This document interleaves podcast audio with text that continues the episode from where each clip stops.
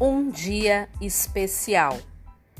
Livro de Leia Cassol, editora Cassol.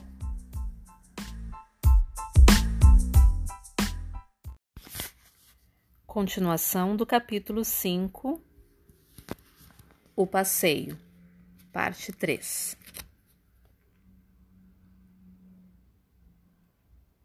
Já era quase meio-dia. Lá em cima, mas bem no topo mesmo, só tem a Rua Duque de Caxias. Vai ver, é por isso que antigamente ela se chamava Rua Formosa. Nesta rua há uma casa histórica, é o Solar dos Câmara. Esta casa foi mantida na cidade e restaurada para ficar exatamente como era na época em que foi construída.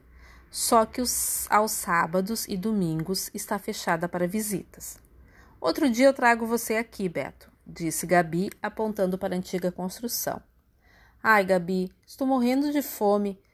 Falei, quase desmaiando. E era verdade mesmo. Ai, está bem, vamos lanchar ali na Praça da Matriz. Compramos refrigerantes e nos sentamos no chão para esticar as pernas. Nossa parada foi curta porque a gente ainda tinha muito que andar. Depois do descanso, pegamos um ônibus e fomos para a Redenção, que também é chamada de Parque Farroupilha. Não fica longe do centro, até dá para ir a pé, mas era melhor não perder tempo. Olhem, hoje tem feira livre, falou Beto, apontando as mesinhas e barracas, que ficam uma ao lado da outra, debaixo das árvores, na rua José Bonifácio. Aos sábados tem feira de produtos coloniais e também de artesanatos na Redenção. Legal, vou comprar um chapéu de crochê, falei pulando de alegria. E eu vou ver se compro uns livros antigos, falou Gabi. O Beto comprou uma peteca que serviu para alegrar, alegrar ainda mais a nossa tarde. Enquanto Gabi lia o livro que havia comprado, sentada à sombra de uma grande paineira, Beto e eu jogávamos peteca. Eu adoro essa brincadeira. Que horas são, Fernanda? Três horas, Gabi. Nossa, como passou rápido, falei, olhando para o meu amigo. Eu nem vi o tempo passar, uai, disse ele. Para onde vamos agora? perguntei. Vamos pegar o T5 e ir até o aeroporto, falou Gabi. Para quem não sabe, T5 é o nome da linha de ônibus que liga o aeroporto ao estádio Beira Rio do Internacional.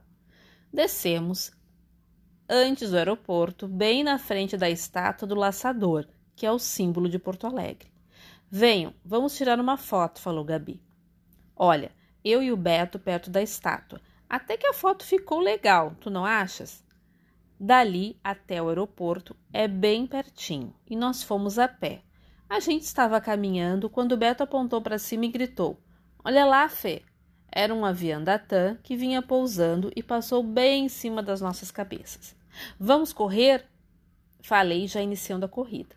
Paramos de correr quando chegamos ao estacionamento do aeroporto Salgado Filho. Eu estava com a língua de fora. Fomos até o segundo andar para ver os aviões que vão chegando e saindo do tempo todo.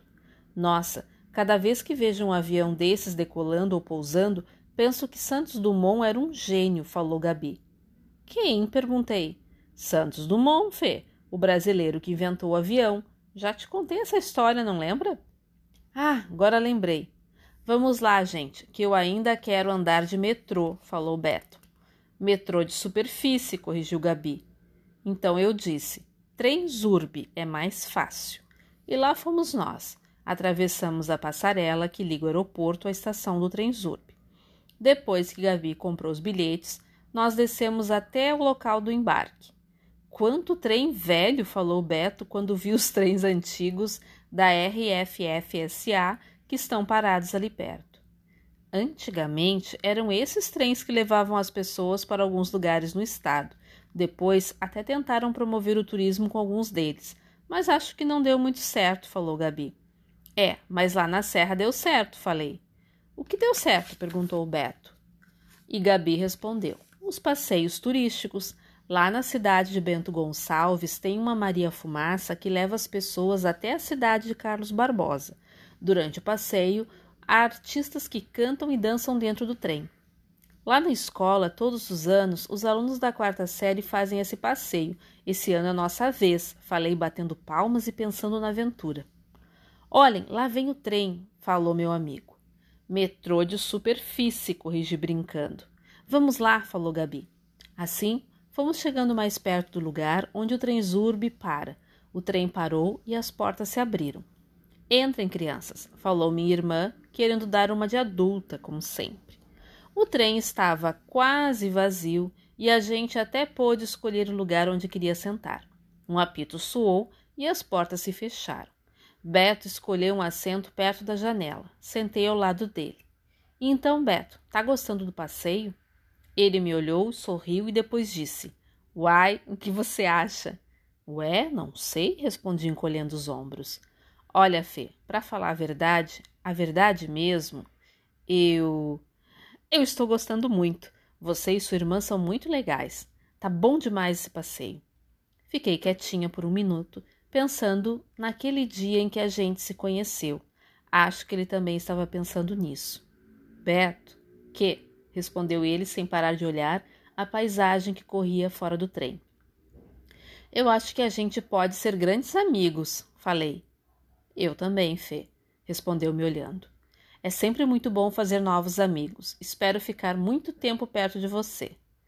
Percebi que ele ficou um pouco triste com aquela conversa. A última coisa que eu queria era fazer ele ficar triste. Fiquei pensando em alguma coisa para levantar o astral do meu amigo. Pior, eu não conseguia pensar em nada, nem de piadas eu me lembrava. Também, por que é que eu sempre tenho que ficar conversando? Bem diz a minha mãe que em boca fechada não entra mosquito.